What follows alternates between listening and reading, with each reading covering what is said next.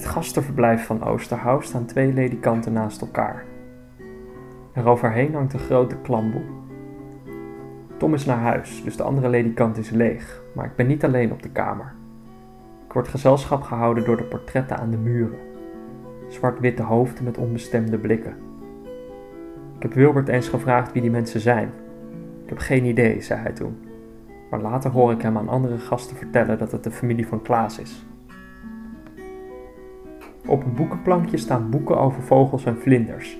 Er zit een stoffig gordijntje voor, ik weet niet waarom. Achter in de kamer hangt een breed schilderij van een landschap met een hert erin. Naast dat schilderij, in een hoek van de kamer, zit een geheime deur in het behang. Daarachter is de badkamer. Als ik zeg geheim, dan bedoel ik de intentie. Door de jaren heen is het behang op de deur gaan bollen en afbladderen door de stoom van de douche. Voor de spiegel in de badkamer staat een stenen beeld van een opgerolde slang. Over een glazen wandje bij de douche hangt nog een slang, een kleinere groene. Terwijl ik douche beslaat de spiegel tot ik mijn spiegelbeeld niet meer kan zien. Ik sta naar het doucheputje, net zo lang tot ik het gevoel heb dat de douchevloer op me afkomt. Net zo ver tot ik het gevoel heb dat de douchevloer verticaal staat en ik horizontaal, alsof het huis 90 graden gedraaid is, soort villa volta. Het is absurd omdat het normaal voelt. Dit huis is aan het tollen, denk ik. Het is een aaneenschakeling van trappen waarin niet duidelijk is welke trap naar boven gaat en welke naar beneden. Ik sta te douchen in een tekening van Escher. Aan de ontbijttafel zit Laurens met de tuinman, Christian, die ik later die dag beter zal leren kennen. We geven elkaar een hand. Pas op voor de onweersbeestjes, zegt Laurens terwijl ik een bord pap opschep. Ze vallen de hele tijd in je bord en in je koffie. Ik heb nog nooit van onweersbeestjes gehoord. Ik vraag aan Laurens wat het zijn. Hij denkt even na en dan zegt hij: Beestjes die tevoorschijn komen als het heeft geonweerd.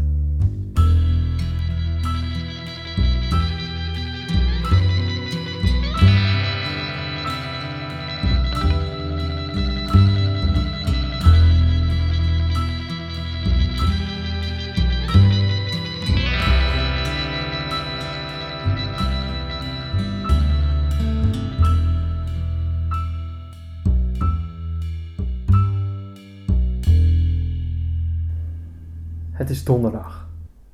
Achter in de tuin is iemand in de weer met een heggenschaar.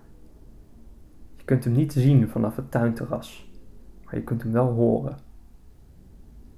Vanaf hier lijkt het een onbegonnen zaak om zo'n grote tuin te lijf te gaan met één heggenschaar. Maar volgens Laurens is het een onvermoeibare werker, de tuinman. Christian heet hij, tuinarchitect van beroep. Maar in deze tuin doet hij nog één of twee dagen per week handwerk. Hij gaat door totdat het gaat regenen. Dan spreek ik hem even tijdens een biertje. Het kan zijn dat je op de achtergrond wat ruis hoort, maar dat is toch toepasselijk. De wind door de bomen. Ik heb wel zat van mij gepraat. dus dan. Ja, ik merkte het bijvoorbeeld eh, toen ik de eerste keer deze tuin inliep, toen ik er net was. ja, Dat ik dan, je bent gewoon maar een beetje aan het lopen en dan kom je elke keer op zo'n splitsing en denk je van nou oké, hier ga ik links en hier ga ik weer rechts. Op een gegeven moment dat ik eh, dacht van oké, ik ga nog niet heel die tuin door, dit was alleen even oriënteren, dat ik omdraaide. En dat ik toen, ik kon het huis niet meer zien en eh, dat ik toen ook dacht van oké, ik weet eigenlijk helemaal niet meer waar, ik ben. Nee. Gewoon nee. alleen maar rechtdoor gelopen eh, zonder om te kijken. Ja, ja. En uiteindelijk vind je het toch wel weer terug. Zo groot ja nee, nee, zeker, tuurlijk. Nee, die, die, die paden leiden uiteindelijk allemaal weer hier zo naar, naar het woonhuis. Dus, Ja. Dus ja, je verdwalen kan je niet, maar eh, het is inderdaad wel een beste wandeling hoor. Als je hier echt, eh, nou ja, echt gewoon de tuin goed gaat bekijken, dan, eh, ja, dan ben je wel een poosje onderweg. Ja. Ik weet het nog heel goed dat de eerste keer dat ik hier kwam, toen was ik 16 jaar, moest ik voor de middelbare tuinbouwschool moest ik dan een stageadres zoeken. Nou, en dan, nou ja, goed, had ik dan op school gehoord, zo van nou, in Leens, daar woonde een tuinarchitect. Daar kun, je, daar kun je pas wat leren. Prachtige tuin, dit en dat. Ik had er een tuinarchitect in Leens, daar had ik nog nooit, nog nooit van gehoord dat die hier zat. Nou, ik denk, nou, daar ga ik maar eens naartoe. Dus ik was toen in, eh, in de rooskwekerij van mijn neef was ik aan het werk. Die eh, was met vakantie. En ik moest die hele rozenkwekerij eventjes eh, draaiende houden. Dus ik dacht even snel die kant op. Dat kon wel even, het was een warme dag. Ik denk even snel die kant op, hoef ik niet in die warme kast te wezen. En dan snel weer terug, een half uurtje, drie kwartier. Dan heb ik het wel uh, besproken en dan kan ik dan weer verder met werk. Nou, ik kwam hier. Nou, Nora die, die ontving mij in de studio. En hij zei, nou, loop eerst maar even de tuin door en dan praten we straks wel eventjes. Dus ik ging die tuin in. Nou joh, voordat ik weer terug was, kwam, was het, was ik twee uur verder. Zo, ik was zo zwaar onder de indruk van alles wat er toen al was. En als je dat vergelijkt met nu, dan moet je eigenlijk eens een keer in zijn, uh, in zijn snoeienboek kijken of in zijn tuinontwerpenboek. Ja. Daar, daar, staat, uh, daar staan nog wel oude foto's in van hoe de tuin was. Nou, dat is echt, dat is gewoon bijna niet meer terug te herkennen. En, ehm, maar zo, toen op dat moment al, toen zag je gewoon die potentie die die tuin had. En nou ja, die bomen die waren natuurlijk allemaal hartstikke groot, die boomgroepen waren... En zo leidt ook dit verhaal uiteindelijk weer terug naar Klaas.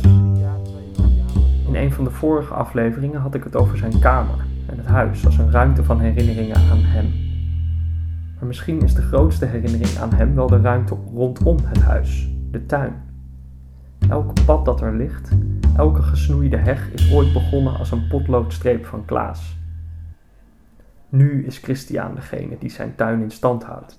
Maar hij was als leerling van de middelbare tuinbouwschool al zijn stagiair. stage lopen en ja, dat was echt niet altijd leuk hoor. Nee? Nee. Klaas, uh, dat was echt een, ja, dat was een harde leermeester hoor. Als je, als je iets niet goed deed, dan, dan kreeg je het wat te horen. Ook waarom je het niet goed deed. En dan, nou ja, dan moest je eigenlijk, nou ja, voor straf wil ik niet zeggen, maar eigenlijk moest je dan gewoon, bijvoorbeeld als je één kantje had gestoken en dat was niet goed. Nou, steek dan eerst de rest nog maar eens even, zodat je het onder de knie krijgt of je het nou wel begrijpt. Dus ja. uh, nou, dat, dat soort dingen. En dan uh, ook met ontwerpen. Dan, dan denk ik, ja, dan kom ik die tuinen te ontwerpen. En dan had hij daar een vaas staan. En dan zei hij, ga die vaas maar, maar tekenen. Nou ja, en ik was wel redelijk gehoorzaam, dus ik deed dat gewoon. Maar hij heeft ook wel stagiaires gehad, die hebben dat gewoon geweigerd. Ja, vaas tekenen. We komen hier om tuinen te ontwerpen en tuinen te tekenen. Dus uh, nou ja, die waren dus ook snel, uh, snel weg. Of daar was Klaas snel klaar mee. Ja. Dus, maar ik heb er allemaal, allemaal uh, prachtig gedaan. En dus zei Klaas aan het eind van de middag van... Waarom moest jij nou die vaas tekenen? Nou, zei ik... Dat weet ik nog niet helemaal. ik zei, maar het heeft vast en zeker zo zijn reden gehad. Nou, hij zei, het is heel belangrijk namelijk dat je leert kijken. En goed te kijken. Dat is heel belangrijk. En nou ja, dat zat er dus achter. Daarom moest ik die vaas tekenen en goed kijken van hé, hey, hoe zit um, um, de, de hals en hoe zitten de handvaten en uh, hoe is dat vastgemaakt en nou ja, hoe teken ik dat mooie papier. En uh, dat, was wel, dat was wel echt wel, uh, nou ja, dat, dat was wel, was, dat, dat, dat, dat zou ik nooit weer vergeten. Nee. Nou ja, en voor de rest ook met, uh, met ontwerp ook. Ja, dan krijg je op school natuurlijk wel, wel wat ontwerples. En dan, ja, eigenlijk word je daar helemaal niet. Eigenlijk werden we daar gewoon allemaal losgelaten. Er werden helemaal geen, geen, geen basisprincipes of iets dergelijks geleerd. En Klaas die werkt wel gewoon via basisprincipes. En uh, ja, dan was ik, was gewoon gewend van nou, ik zeg altijd nou, nou gek scheer het zo van, bij ons op school ging het zo, nou je tekent het huis in, je tekent de kavel in. Dan zet je um, um, nou ja, een terras bij het huis, een paadje om het huis, het liefst zo dicht mogelijk tegen het huis aan, dat is lekker praktisch voor de ramen schoonmaken. En dan zet je je pen neer, je doet je ogen dicht en dan ga je gewoon een slingerlijn ga je zo trekken. en dan doe je je ogen weer open, dan kijk je waar die slingerlijn zit. Nou, dan wordt dat aan de ene kant van de slingerlijn, wordt, dat wordt een stroep en uh, bloemetjes. En aan de andere kant tegen tegen het terras aan wordt gras. Dat was het. Zo leerden wij dus uh, ontwerpen. Nou, en toen ik hier dus de stage had gehad, nou ja, toen had ik dus hele andere principes. Nou ja, zichtlijnen vanuit huis. Hoe maak je de tuin visueel groter? Met assen werken, lijnen, kijkpunten, noem maar op. En spanning creëren, dus hoogte met bomen en, en hagen en hè, structuren aanbrengen in die tuin. En uh, ik weet nog heel goed dat ik mijn stage hier had afgerond en toen weer, uh, weer ontwerpen moest gaan maken op, uh, op de middelbare tuinbouwschool. En ik had iedere keer slechte cijfers. Iedere keer slechts. Ik begreep er helemaal niks van. Ik liet die ontwerpen zien aan Klaas. En Klaas zei, nou ja, zei hij, het zijn geen hele sterke ontwerpen, maar slecht zijn ze niet. En Nou, er waren dus heel veel vriendjes en die hadden dus gewoon terrasje rondom huis, paadje rondom het huis.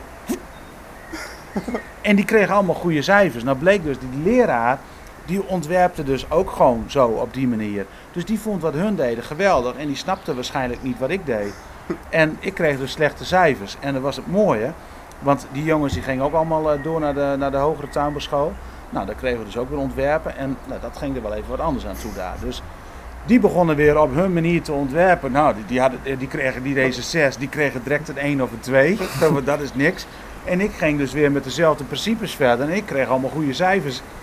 Ik zei, nou kijk eens, ik kan het dus toch wel blijkbaar. Ja. Dus dat, dat was wel heel erg mooi om, eh, om dat te zien, hoe dat ging. Het begint allemaal met kijken, herhaalt Christian als een soort mantra. De tuin is op die manier niet zomaar een ordening van bomen en gras en struikgewas. Het is ook de uiting van een geloofsovertuiging. Het idee van hoe een tuin ontworpen dient te worden. Ah, joh, die kan me niet gekke krijgen. Werkelijk waar, dan denk ik, wat een stelletje, stelletje clownen. En, maar je kunt ze niet aan het verstand brengen hoor. Nee. Dat is gewoon. Kijk, die hebben niet leren kijken. Hè, dat is het eerste wat ik dus bij Klaas moest doen. Die hebben dus gewoon niet leren kijken. Je moet goed kijken en dan, en dan, en dan in de tekening snappen en de ideeën erachter snappen. Ja. En dat, als ze dat niet snappen, ja, dan, gaat, dan, dan kun je nog zo goed ontwerpen of iets doen, maar dan gaat het gewoon helemaal verkeerd. Daar loop je zo, zo ontzettend vaak tegenaan. En dan zeggen zij waarschijnlijk van ja, dit is gewoon hoe we het doen. Het is, Ja, maar zo doen we dat, zo doen we dat altijd. Ja, zo doen we dat altijd. Ja, ja maar dat zei ik niet. Ja. Dan doe ik dat niet. Nou ja. Vanaf het terras loopt een zichtlijn recht naar de achterste heg van de tuin. Aan die heg staat een wit bankje. Als kijker denk je, daar wil ik heen. Maar je kunt er niet rechtstreeks heen. De paden er naartoe slingeren. Bewust, vertelt Christian. Het is de bedoeling dat je als bezoeker de hele tuin ervaart. Zo loop je van de ene naar de andere kant via verschillende architectonische stijlen, heggen en standbeelden van onduidelijke herkomst. Kunt hier lang lopen, maar echt verdwalen kan je niet.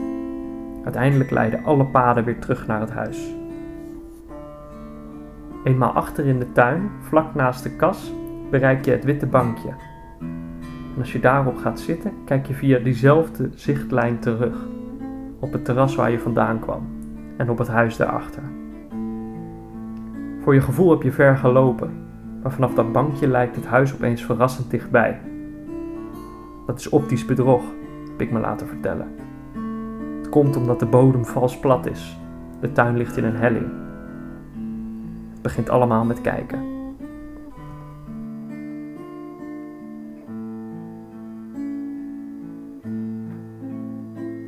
Dus, ehm, ja, dat, dat, dat vind ik ook wel moeilijk hoor. Als het straks verkocht wordt, dat ik dan straks eh, zeg maar misschien gewoon buiten beeld kom te staan, weet je wel? Ja. Dat, die, dat die mensen dan zeggen van ja, we gaan het onderhoud zelf doen of, wij hebben al een hovenier en die gaat dat doen.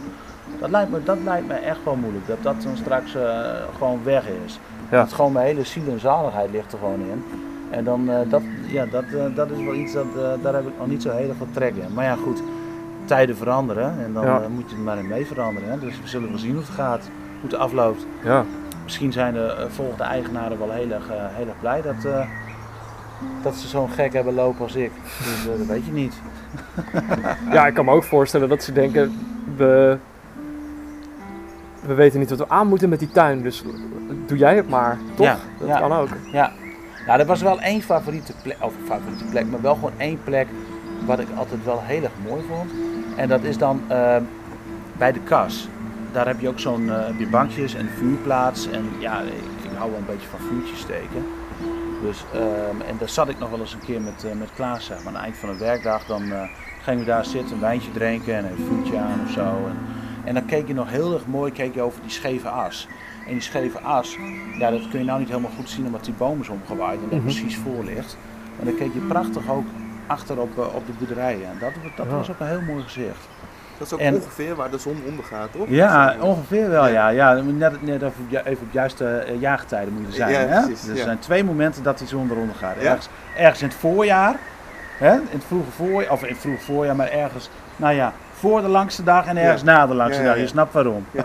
dus, maar, eh, en, en de kast, die was, ehm, die was ook heel erg mooi vroeger. Ja. Die was prachtig. Die kast ja, die was natuurlijk eh, nog niet eh, door eh, eh, Van Dalen vernield.